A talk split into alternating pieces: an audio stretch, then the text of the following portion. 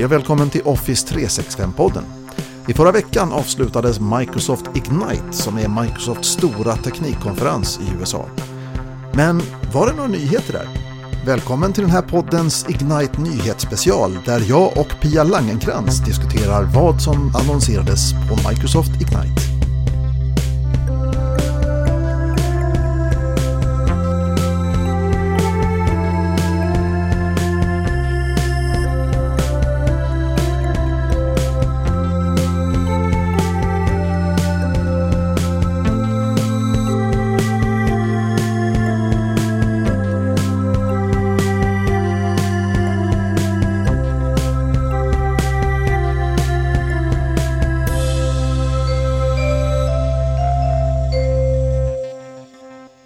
Jag heter Pia Langenkrantz. Jag är SharePoint Office 365-expert.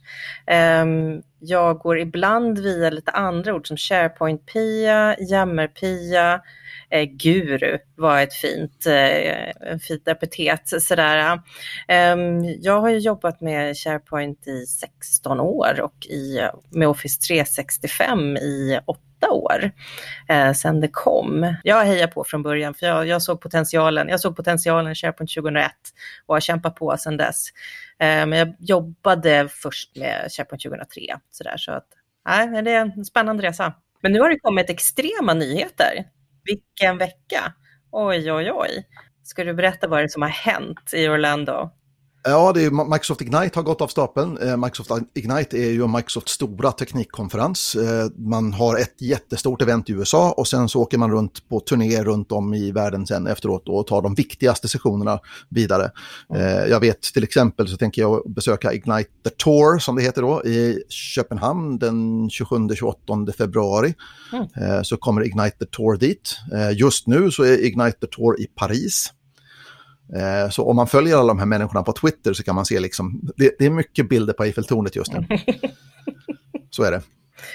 Ja. Eh, så på den här konferensen så kommer man då med, det är de stora tekniknyheterna som, som lanseras. Eh, så jag brukar ju säga, där har jag haft fel då i år, men annars brukar det vara så att det är liksom lite stiltje på nyhetsfronten så här månaderna som leder fram till Ignite. Och sen så på Ignite så är det liksom bara blä, så kommer allting på en gång. Och nu så har det ju kommit den här explosionen med nyheter. Mm -hmm. Och en del av de här har vi känt till sen innan, vi som är liksom lite insatta och följt med det här. Även om mm. liksom, annonseringen av nyheten har kommit nu så har den liksom varit flaggad för i, i roadmappar och annat då ett tag. Men eh, en del saker kom ju från ingenstans. Mm. Vilka är dina favoritnyheter, Pia? Ja, alltså jag har många, men den, den största eh, som gav mig mest glädje måste vara den här uh, redesignen av Jammer. Att Jammer äntligen har blivit, eh, att, att Jammer har kommit in i värmen kan man säga. Eh, den har ju varit lite undanskuffad på sidan av eh, och att de också döper om det i Jammer. Det blir inte Jammer Groups längre utan det blir Jammer Communities. Och då äntligen kan man ju börja förstå att Teams är för Teams, vi som jobbar och ska skapa resultat. Communities är där vi sträcker ut handen och umgås och snackar. Och, och då, för det är ju en sån här jättevanlig fråga, vad ska vi med Yammer till när vi har Teams? Eller vad ska vi Yammer till när vi har de här andra sakerna? Vi kan ju lagra filer någon annanstans, jag kan ju skicka information på andra sätt. Man bara, ja, men det är en annan kontext, vi ställer olika krav på mottagaren och avsändaren. Um, och det blir mycket tydligare när det blir communities och det är ju så vackert när man kan trycka in det i, i Teams som kanaler. Jag ser ju direkt så många applikationer för det här som i eh, mitt nuvarande projekt som använder Jammer just som frågor och svar. Att man kan lägga in den gruppen i vårt team så att vi har allting, vi som jobbar i teamet har alla våra verktyg, alla våra kanaler, allting ut till hela organisationen på ett och samma ställe. Ehm, då kommer det gå snabbare att svara på saker och ta in feedbacken. Och, ja, men det, var, det var den största som jag bara, åh, ah, mitt hjärta bultade och bara äntligen, men sen också måste jag säga min andra favorit, uh, det har ju också lite grann med Teams att göra, eller det mesta har med Teams att göra nästan. Och det är ju den här pop-ut-chatt um, ehm, och pop-ut-möten. Alltså nu när man använder, jag använder Teams så extremt mycket. Och då blir det att man sitter med på ett möte och så ska man hitta dokument eller man ska ställa en fråga till någon annan och så har man bara de här små fönstren om man navigerar bort sig. Eh, vissa chattar vill man ha uppe hela tiden eh, och sådär. Så det var wow, bra, mm. äntligen, tack. Pop-ut är ju helt enkelt då att man har flera fönster, flera separata. Man kan plocka ut en diskussion och lägga den i ett separat fönster. Istället för att som tidigare ha alltihopa i ett enda interface. Mm. Så kan man nu plocka ut då en chatt eller ett möte eller någonting i en separat ruta. Mm. Som ligger, ligger vid sidan om. Och för mig då till exempel som jobbar med multipla skärmar så är det fantastiskt. Ja, det är grymt. Ha, har du något mer? Ja, men jag tänkte nu får du säga en favorit så jag inte snor den bästa. All right. Det första är ju en nyhet som kanske inte har så jättemycket att göra. Det är, det är ingen wow-grej i sig. Men någonting som man inte kan gå miste om, är ju, eller som man inte får missa, ska vi säga, är ju att uh, Microsoft Flow byter namn till Power Automate. Just det, just mm. det. Och det är inte så dumt, därför att för en gångs skull så blir det nu supertydligt för folk vad det är man har flow till. Man mm. automatiserar saker och ting med, och det har vi pratat om tidigare i den här podden, så vi pratat liksom om automation och att man kan använda flow. Och en av grejerna som kommer då i nya Power Automate är det som man kallar för UI Automation. Det finns ju gott om applikationer som inte har något stöd för automation. Man måste liksom manuellt klicka i rutor och skriva i och, och ha sig och sådär.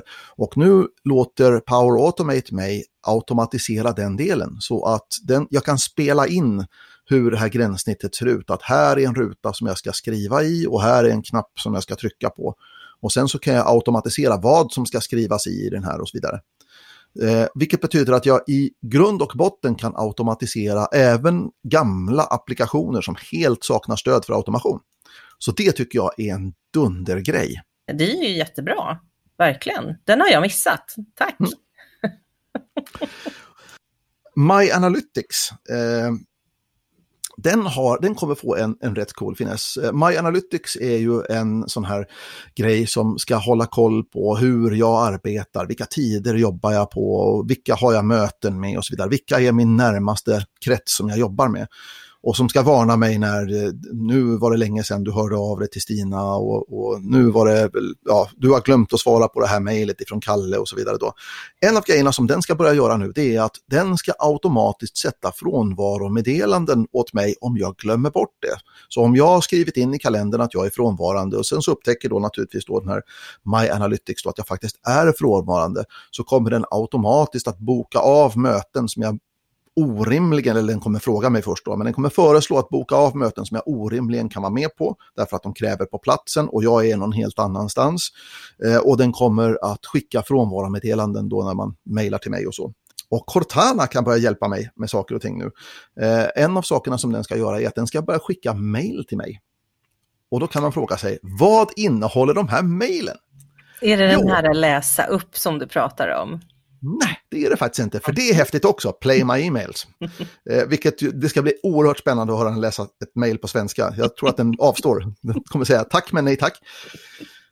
Men utan det jag pratar om, det är någonting som kallas för briefing emails. Om jag har en packad dag så kommer jag på eftermiddagen, slutet av min arbetsdag, så kommer jag få ett mail ifrån Cortana som säger så här kommer din dag att se ut imorgon och det här är vad du har lovat att förbereda till dess. Så eh, den talar om för mig att eh, när jag behöver åka, eh, vilka saker som jag ska ha med mig, om jag har dokumenterat det och så vidare. Då. Så att allting sånt då, det, det, kommer jag få hjälp med att fixa. Och för mig då som är en slarver så är det här en jätte, jättestor hjälp. Så briefing e-mails eh, från Cortana för att förbereda nästa dag eller nästa vecka. fantastiskt faktiskt. Ja, det är ju riktigt grymt faktiskt. Det som jag, jag saknar med de här tjänsterna det är ju att jag inte kan, jag vill koppla in mitt privata konto eh, och jag som då är konsult eh, vill ju kunna koppla in fler konton som är så här, du har inte hört av dig till den här kunden, de har hört av sig från skolan. Alltså jag behöver ju en, en butler, alltså som drar ihop alla de här. Eh, det skulle vara riktigt fantastiskt, men kanske få ta och bygga det själv i någon eh, AI-bot-historia. Precis. Absolut. Absolut. För bottar ska ju också nu bli otroligt mycket lättare att bygga. Då ska vi se här, nu är det min tur att ta en favorit. Um, och jag hade faktiskt, eh, jag såg ju massa förbättringar för SharePoint-redaktörer. Um, dels att man har den här News och page scheduling. Um, det har ju varit så här om du har velat skicka en eh, nyårshälsning till någon och då får du ju sitta där liksom den sista, sista december och trycka på publish. Um, och nu kan man eh, slippa det så man kan eh, faktiskt boka vad som kommer att komma ut eh, framåt och det är jättebra, särskilt då när man ska förbereda nyhetsbrev och, och sådana saker som ska vara. Ehm, och att det skulle komma en audience-based navigation. Um, den Oj, det där får du förklara. Ja, den är rätt Vad är en audience-based navigation? Vad är det? Ja, men vi börjar med navigation, alltså navigeringen på en sida, det som man tar sig runt, det som vi som redaktörer har satt i ordning vad vi tycker att det här är, det här är nog hur du vill titta på våran sajt och hitta saker. Eh, men där kanske man vill att, ja men om du är chef så ska du se de här olika sakerna, eller om du tillhör Boråskontoret så ska du se de här olika sakerna i navigeringen.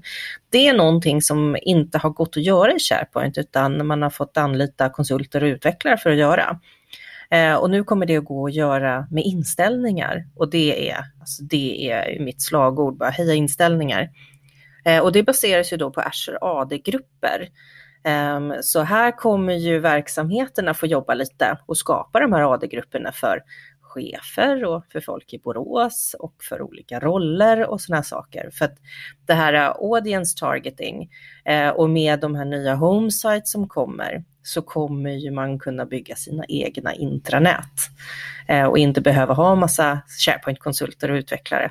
Eh, de kommer ju komma behöva finnas för andra saker ändå, så att vi, man blir inte av med någon av oss. Men just de sakerna kan man göra själv och det tycker jag är spännande. Jag älskar när företag kan göra saker själva. Absolut. Ja, men det här har varit ett bekymmer för de som har gjort intranät. När man har byggt navigation så har man varit tvungen att bygga det för alla, men om vissa länkar inte ska vara synliga för alla så har det varit lite besvärligt. Det har mm. inte funnits audience targeting på navigationen. Det har funnits på sidor och sånt där, mm. men inte på navigationen. Mm. Nej, ja, det är bra. Grymt. Och sen att det ska komma multi-language pages. Um, och det är ju väldigt sällan idag, om man inte är amerikan känns det som, att man har webb, eh, liksom intranät och sidosnät bara på ett språk. Utan de flesta har eh, två, tre språk som man vill eh, kunna stötta. Um, sen så kan jag tänka mig också att det kanske blir lite AI-översättning här och det kan ju kännas läskigt eftersom då skickas ju stora texter iväg och översättas av någon annan och det är ju så, men, eh, men att det finns stöd för det i produkten. Man kanske eh, kan välja hur det ska översättas. Det, det, ska bli spännande att se vad det är, men det är en stor förbättring. Eh, har du kikat någonting på Whiteboard, Microsoft Whiteboard, som eh, dels då finns som en Windows 10-app, men som nu också har trillat in i Teams som standardapp? Mm. Jag, har inte, jag har inte latchat med den i Teams, men jag, eh, jag ska sluta spara bilder till, från whiteboards som jag, det är lite min grej, jag exploderar över en whiteboard och drar fram eh, strategier och skisser och allt möjligt. Eh, men att man kan dra in dem sen i whiteboard och använder den där magic pen för att få mina bilder faktiskt till att bli en skiss i whiteboard. Eh, jag tycker det är fantastiskt. Eh, bra mm. grejer, riktigt bra grejer. Andra coola nyheter med whiteboard är att vi får eh, whiteboard-mallar nu. Eh, det finns ett antal som man kan använda till exempel eh, en sån här kanban-board om man håller på med eh, agil utveckling eller om man jobbar agilt generellt sett eh, i, kanske inom driften eller inom projekten eller något sånt där. Så mm. finns det en whiteboard-template för att hantera faser i projekt och så vidare och för att kunna flytta items mellan olika eh, sådana kolumner. Det, så, det, hade jag missat, men nu får jag tusen idéer om att här kan vi ta alla våra härliga SharePoint workshops, man säger så här, man pratar om målgrupper och allt det här så att man kan ha det förberett och så bara fylla i tillsammans eh, med, med de som ska äga sajterna. Nej, men det, det är bra grejer, bra grejer. Nu ska vi bara se till så att alla skärmar i konferensrummen är touch. Det hade varit grejer det. Jag läste någonstans om en nyhet eh, i SharePoint som handlar om att vi nu har fått modern administration av TermSets eh, i SharePoint. Men det där kräver ju lite förklaring. Vad 17 är termset? Du som är SharePoint-expert. Alltså termset, det är ju magin bakom SharePoint. Alltså metadata, term store, audience targeting, alla de här sakerna, de kittas ju ihop med en informationsarkitektur. Ehm, och här brukar de flesta zona ut när jag börjar prata om det här och eh, taxonomi. Ehm, men faktum är att vi allihopa vet vad det är för någonting. För att vi allihopa har varit inne i en matvarubutik och vi kan se där är bageriet, där är mejeriet och i mejeriet kan jag hitta mjölk och glass och ost. Ehm, och det är precis vad Termstore är, att det liksom buntar ihop olika uttryck. Um, och vad vi då använder det till på företaget, det är att ja, men här har vi våra kontor, här har vi våra affärsområden, här har vi våra fastigheter eller vad man nu är. Och då så återanvänder vi den här informationen att eh, tagga dokument när vi lägger ner metadata på dem. Eh, vi kan använda det i våra profiler, vi säger jag är projektledare, jag är förändringsledare, jag är intresserad av att cykla till jobbet. Ehm, och då kan sen de här sajterna som riktar sig till projektledare, förändringsledare och de som cyklar, kan de tagga informationen med det här. Och Termstore har varit det har varit samma, samma i så många år. Det har ju funkat bra, det är en trotjänare. Det, det finns vissa, eh, vissa fel i det fortfarande som man måste jobba runt, men det har funkat riktigt, riktigt bra. Eh, och nu, ah, äntligen har jag fått lite kärlek. Äh, det ska bli så spännande att hålla på med det här och se vilka förbättringar vi kan göra. Det som jag ser som den stora finessen är ju också att vi får vi, vi, vi kallar saker och ting för samma sak. Mm. Att vi använder oss, vi har begrepp för saker och ting. Och vi vet, mm. vi vet vad en, eh, ett visst formulär är för någonting och vi vet vad en viss, ja, så vi har begrepp för saker och ting, gemensamt vokabulär och det är det som kommer in i den här termstoren lite grann. Mm. Ja, men, och det är så viktigt. Eh, för många gånger så kan man komma in till en, en kund och bara ställa sådana här, ja, som jag brukar säga, lite intelligenta filterfrågor som vad är en kund? Eh, vad är en anställd? Vad är en medarbetare? Eh, och så har vi inte definitionerna på det här. När man inte använder Termstore och metadata och taggningen och sådana saker, det är som att köpa en Ferrari och bara köra på tvåan. Alltså, det, det, är ju, alltså lägg in en högre växel. Det, det, blir så mycket enklare. Du kan styra saker, du kan hämta saker.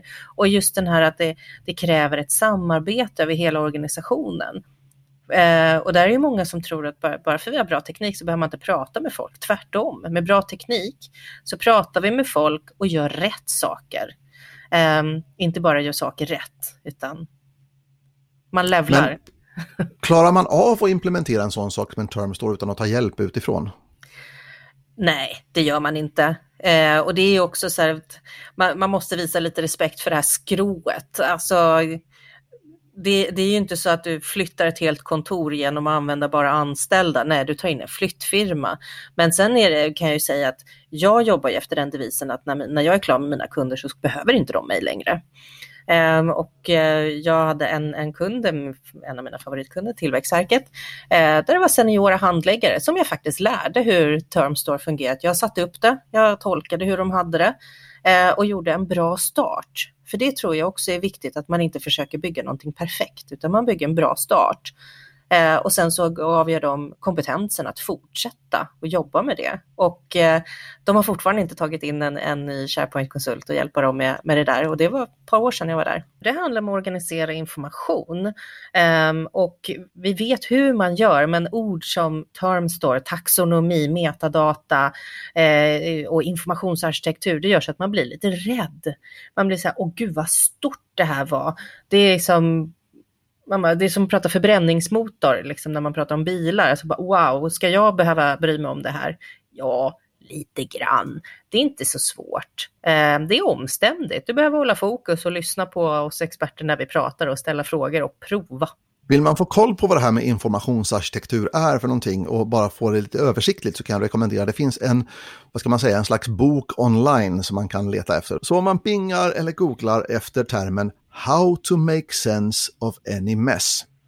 Den är riktigt, riktigt bra för den, den ger en översiktlig bild av vad det här med informationsarkitektur är och hur man liksom ska tänka. Inte så mycket om hur man praktiskt gör, men hur, hur man tänker. Man, för, man får en bra förståelse för mm. begreppet. Ja, det är viktigt, för så fort du har fattat det så är resten bara gör det här. Men om du börjar med att gå in i Termstore och, och tror att det är liksom någon, någon, eh, någon framtid som bara ska utveckla sig, nej, nej.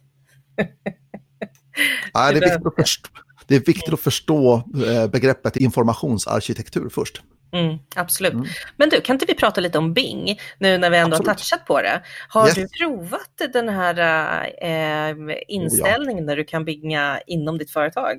Oh ja, absolut. Det ja. enda som man gör det är ju att man signar in i sitt Office 365 ifrån Bing. Mm. Och sen så får man ju naturligtvis godkänna att Bing får åtkomst då. Men det, ju, det här är ju vansinnigt vanligt. Jag har pratat med kunder om det här för att jag har visat upp det och de bara, ja men törs du låta det där eh, Bing eh, indexera? Ja, fast det handlar ju inte om att världen får tillgång till mitt index. Mm. Utan det är ju bara jag som ser vad Bing har hittat på mitt nät. Ingen annan. Ja, och det här Bing knyter ju ihop med Office Graph som är hjärnan bakom hela Office 365. Som då gör att Office Graphen håller du ju inom inom Office 365 och din tenant. Och sen är ju att Microsoft, deras affärsidé är ju inte att sälja vidare någons information, utan det är ju att sälja tjänster till oss som köper dem. Det är deras inkomst. Så att om de skulle sälja vidare och göra någonting med vår information, det, ja, det, det förstör ju hela deras affärsidé. Eh, men jag tycker att det funkar riktigt bra. Och jag, de nyheterna som de pratade om på Ignite om hur Bing skulle kunna bli ännu mer intelligent, som att du skulle kunna skriva som Power BI-frågor till Bing som svarar hur många semesterdagar har jag kvar? Liksom.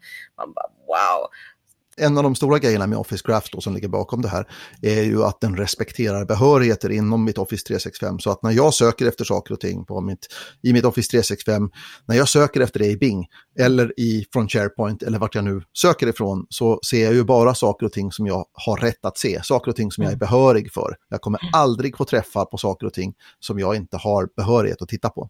Mm. Nej, och, det, och det är ju um, den här tekniken för att liksom security trimming tror jag det kallas. Ehm, den är ju så väl beprövad och jag vet inte hur många incidenter som jag har suttit i som SharePoint arkitekt, ägare, tjänsteägare, gud vilken roll jag nu har haft som, i den här sfären. Där jag, jag får hitta fantastiska saker för att beskriva skit bakom spakarna. Eh, för tekniken är inte fel på den, är, du får bara se som det du har tillgång till. Du, har du någon mer nyhet? Någonting har jag någon mer, nyhet? Alltså, jag tror en, en sån här eh, jaha-upplevelse eh, däremot, men jag tror att den är ganska viktig ändå. Eh, det är den här Office App. Ehm, att nu när man har sina appar på mobilen från, från Office 365 så har du en för Word, Excel, PowerPoint, blah, blah, blah. det blir lite mycket. Nu ska jag faktiskt ta ihop det där till en och ha lite mer så filhanteringsapp. Jag förutspår att den här kanske också kommer liksom på något sätt att flytta in i OneDrive-appen på något sånt där. Eh, det kommer bli lite vettigare, men som sagt det är lite mer av en jaha-upplevelse än en, eh, än en wow-nyhet. Men apropå app appar eh, till mobilen så såg jag en riktigt häftig nyhet och det var ju den här SharePoint-appen där du kan co-branda. Um, Förklara det begreppet. Co-branda, ja precis. Eh, det ser inte ut så som Microsoft har bestämt att det ska se ut, utan du kan få välja själv på företagsnivå hur, en, hur appen ska se ut med färg och logga och sådär. Det är ju någonting som jag tror Alltså det, det, är, det är många SharePoint-konsulter och företag som har eh, tjänat en bra hacka på att skapa SharePoint-appar eh, förut och liksom sen mobilanpassat intranät och så. Eh, för att man vill inte riktigt använda SharePoint-appen för att den går inte att styra så mycket och den ser inte ut som vårt företag. Eh, och nu så kan man faktiskt co-branda eh, och det är ju riktigt vettigt. Eh, Um, och um, man kan ju branda i SharePoint, men det har ju varit en av mina största grejer. har varit så här, gör inte det. Uh, hacka inte sönder SharePoint i webben för att när, när någon går in med mobilen, för det är riktigt trevligt att surfa med mobilen i SharePoint måste jag säga idag. Uh, om, om, informationen ser annorlunda ut med olika färger och fonter och sådana saker, då tappar du förtroendet för informationen, utan den måste se likadan ut. Eh, och nu har du ju faktiskt en chans att, att göra någonting riktigt bra. Sen har jag, alltså det är ett helt eget avsnitt vad jag tycker om branding i SharePoint. Eh, det är både bitter och tårar och skratt. Eh, men det, det kan vi ta någon annan gång om någon är intresserad. Men det gör vi. Vi tar ett annat avsnitt när vi pratar om branding i SharePoint. Alltså dess fördelar och dess nackdelar. Och ska man hålla på och, och pillidutta i SharePoint eller ska man inte göra det? Och här kan man ha olika åsikter, så jag tycker att vi tar det som ett separat avsnitt någon gång. Ja, men det gör vi. Det gör vi. Tack ska du ha, Pia. Ja, men tack själv. Tack själv. Och det var vad vi hade att erbjuda i det här avsnittet av Office 365-podden. Frågor, feedback och annat skickar du som vanligt till Office365-podden at varnolf.net. Tack för att du har lyssnat. Ha det bra.